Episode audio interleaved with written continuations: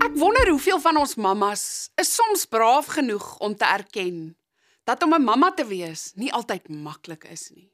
Soms is dit ook nie altyd lekker nie. Dit klink dalk nou verskriklik. Maar om 'n ma te wees is soms uitdagend. Baie keer hoor ons dat ons net moet ontspan en dit is dalk waar. Maar gelukkig is daar vaardighede soos emosionele intelligensie om ons by te staan in hierdie proses. Emosionele intelligensie beteken uiteindelik om slim te wees met emosies, die van jou eie en ook die van ander. Ek vra so ruk gelede vir my seentjie toe hy 10 jaar oud was, "Sena, wat is emosionele intelligensie nou weer?" En hierdie seentjie het vir my een van die mees treffendste definisies van emosionele intelligensie nog ooit gegee. Ek dink hy was ook dalk so bietjie moeg vir sy ma wat altyd hierdie vrae vir hom vra en vir hom vra watter deel van jou brein doen nou weer dit.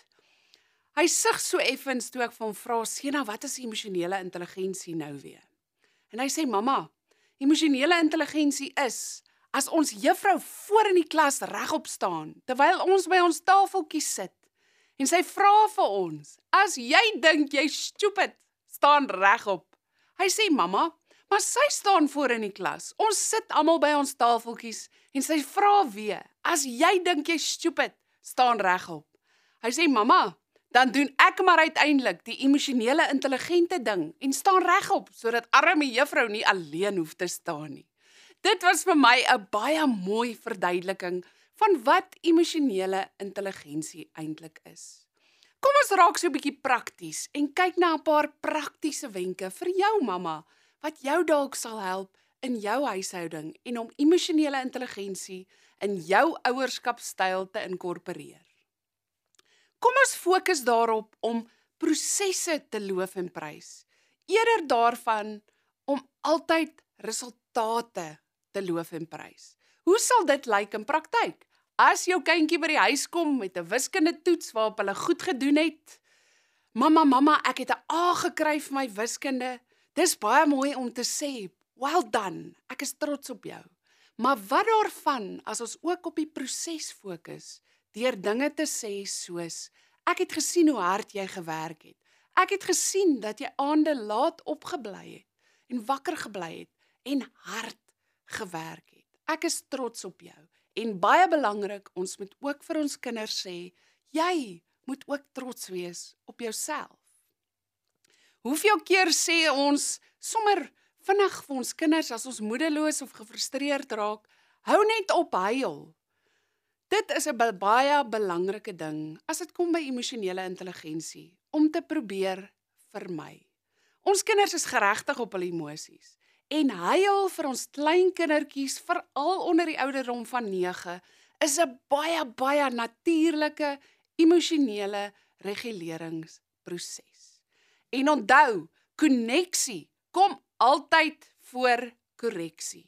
Ons kan nie heeltyd rondloop en vir ons kinders uitwys op hul foute of hulle vra wat ons wil hê hulle nie moet doen nie as ons nie 'n gesonde balans van koneksie met ons kinders handhaaf nie. 'n Goeie uh koneksie balans is omtrent om seker te maak jy het 5 oomblikke van koneksie gehad voor elke korreksie oomblik. So dink mooi voordat jy elke keer wil dissiplineer of jou kind wil reghelp. Onthou om ook positiewe woorde te gebruik. Ons is so maklik geneig om te sê, hou op met die bal in die huis speel. Jy mag nie met 'n bal in die huis speel nie.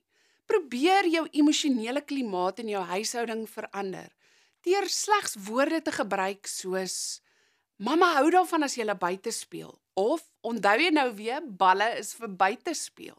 Deur eenvoudige stellings soos hierdie meer positief te stel, kan ons die hele emosionele klimaat van ons huishouding verander. Wanneer ons kinders emosioneel oorweldig voel, is dit ook baie maklik om na hulle toe te gaan en te sê, "Is oukei, okay, dis oukei, okay, alles is oukei, okay, jy gaan oukei wees." En dit is nie altyd waar nie. Ons kinders het nie in daardie storm van oorweldig voel noodwendig nodig dat ons vir hulle moet sê, maar alles gaan oukei okay wees nie. Wanneer ons dit nie eintlik regtig altyd aan hulle kan beloof nie. Wat moet ons doen in hierdie oomblikke? Ons moet eerder iets sê soos ek is hier. Mamma is hier by jou. Wees net daar. Die heel eerste stap in emosies reguleer is altyd koneksie. 'n Baie belangrike ding wat ons ook moet onthou is om nie vir ons kinders te sê jy maak mamma nou kwaad of jy het mamma se hartjie nou baie seer gemaak nie. Onthou, ons kinders is nie verantwoordelik vir ons emosies nie. Dis baie belangrik dat ons vir ons kinders 'n voorbeeld stel van hoe dit lyk om emosies effektief te reguleer. Dis belangrik dat ons vir ons kinders die voorbeeld stel dat dit wat buite om ons gebeur nie moet bepaal hoe ons voel nie en dat emosies beheer kan word. Onthou, reëls in 'n huishouding sal nooit suksesvol afgedwing kan word sonder goeie verhoudings nie. Om verhouding te bou met jou kind is 'n kardinale belangrike element van ouerskap. En om verhouding te bou, het jy gereelde oomblikke van koneksie nodig met jou kind. En ek sê altyd, 'n mamma bepaal die emosionele klimaat van haar huishouding. En mamma, dit wat in jou lewe gebeur, sal altyd oorspoel in jou gesin se lewe.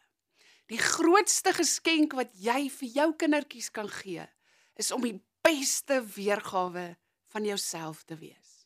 Mamma, dit gaan partykeer beteken dat jy daai drome waarop jy dalk opgegee het, daai dinge wat jy nog altyd wou doen, moet afstof en weer 'n bietjie nader trek sodat jy bietjie meer vervuld kan wees. Want daai kleine kindjie van jou het nodig om na jou te kyk en te kan sien, "Man, my mamma is gelukkig." Dit is een van die grootste geskenke wat jy vir jou kind kan gee. Onthou, die manier wat jy met jou kindertjies praat in jou huishouding, jou uitkyk op die lewe, die manier wat jy vir hulle raad gee, word uiteindelik daai kindjie van jou se interne dialoog waarmee hy of sy ook eendag op hul eie die wêreld moet binnegaan. Dit gaan ook bepaal wat die kwaliteit van jou kind se verhoudings met ander eendag gaan wees. Onthou, ons hemelse Vader het jou versigtig uitgekies om daardie kindjie se mamma te wees. Hy het jou reeds goed genoeg verklaar. Jy moet dit net glo.